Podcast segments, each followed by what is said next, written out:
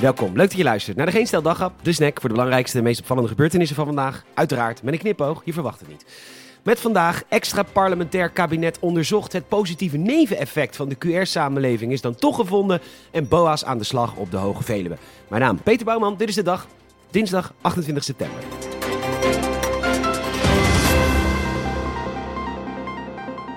Volgens Remkes is een minderheidskabinet in deze fase, zeg maar de 195 dagen fase, niet mogelijk. Met deze drie partijen is geen kabinet te vormen, dus dan maar met negen.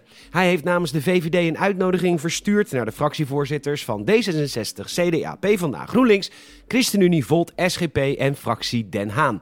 Zij mogen morgen komen praten over steun aan een extra parlementair kabinet wat zonder koppelteken is, Johan. Er botsen toch geen klinkers? Het zijn allebei Nederlandse woorden en hoe je deze fout kan maken toen jij leerde schrijven bestond het woord koppelteken nog niet eens. Dus waarom je nu opeens op de proppen komt met het koppelteken? Nou ja, de hooghoed van Remkes. Nou, wat is dan een extra parlementair kabinet? Dat is een kabinet zonder regeerakkoord. En je zoekt dan mensen buiten Den Haag om te besturen. Behalve Rutte natuurlijk, want die blijft voor altijd premier. Want die zit in de bloedlijn Rutte.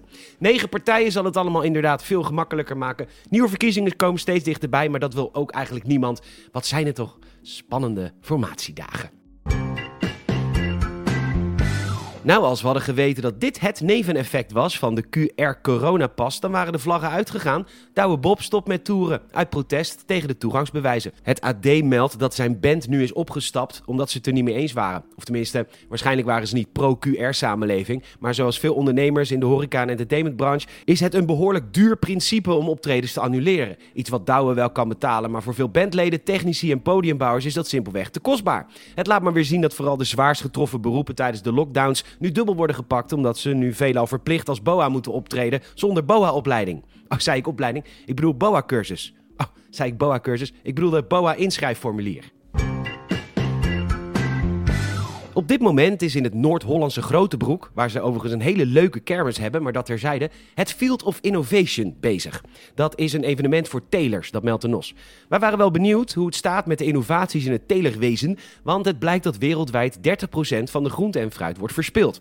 En dus wordt er gewerkt aan nieuwe groentes om die verspilling een beetje tegen te gaan. Bijvoorbeeld de hamburgersla. Sla die precies zo groot is als een hamburger en volgens de maker ook extra lang knapperig, zodat het minder snel weggegooid hoeft te worden. Nog Nogmaals, volgens de maker. Er is een bloemkool ontwikkeld die wit blijft en een broccoli met dunne stronken, want oma vindt doodgekookte dikke broccoli-stronken maar smerig. Wij wachten vooral op innovatie met betrekking tot schorseneren, dat schorseneren niet meer naar schorseneren smaken. Want in bijna elk restaurant staan tegenwoordig weer schorseneren op het menu en dan staat erbij de vergeten groente schorseneren. En dan denk ik, er was een reden om die smerige potgrondwortels te vergeten. En dan zeggen mensen, ja, het ligt eraan hoe je het bereidt. En dan mieten ze er spek omheen en citroen overheen en dan laten ze 30 minuten weken in een emulsie van knoflook knoflook en knoflooksaus, gebakken in knoflookboter. En ja, dan kan je zelfs van je eigen stront nog een delicatesse maken. Weet je wanneer schorseneren echt populair waren? Tijdens de Tweede Wereldoorlog. Want het was dat of tulpenbollen. En geloof me, men koos voor dat laatste. Ik heb oma nooit gehoord over dat ze schorseneren al tijdens de hongerwinter. Nee, ze at tulpenbollen terwijl schorseneren gewoon handen waren. Maar daar hoor je ze niet over tijdens het Field of Innovation in Grote Broek. Ze overigens een hele leuke kermis hebben, maar dat terzijde. Coronaboetes zijn voor de meeste mensen niet meer te krijgen en dus kunnen natuurboa's weer lekker aan de schrijf op de Hoge Veluwe, dat meldt de staatsomroep. Want het is hertenbronst, de herten zijn bloedje geil en dat mogen we absoluut niet verstoren. De boete bedraagt 90 euro en er zijn er al tientallen uitgedeeld. Ja, het paren moet doorgang vinden, want we moeten straks wel weer wat te schieten of bijvoeder hebben, afhankelijk van de formatiebesprekingen of de verkiezingen. We sluiten af met een vrolijke noot voor alcoholminnend Nederland. Verslaafd zijn aan alcohol is een ziekte en daarom mag je een medewerker niet ontslaan als hij bezopen op het werk komt.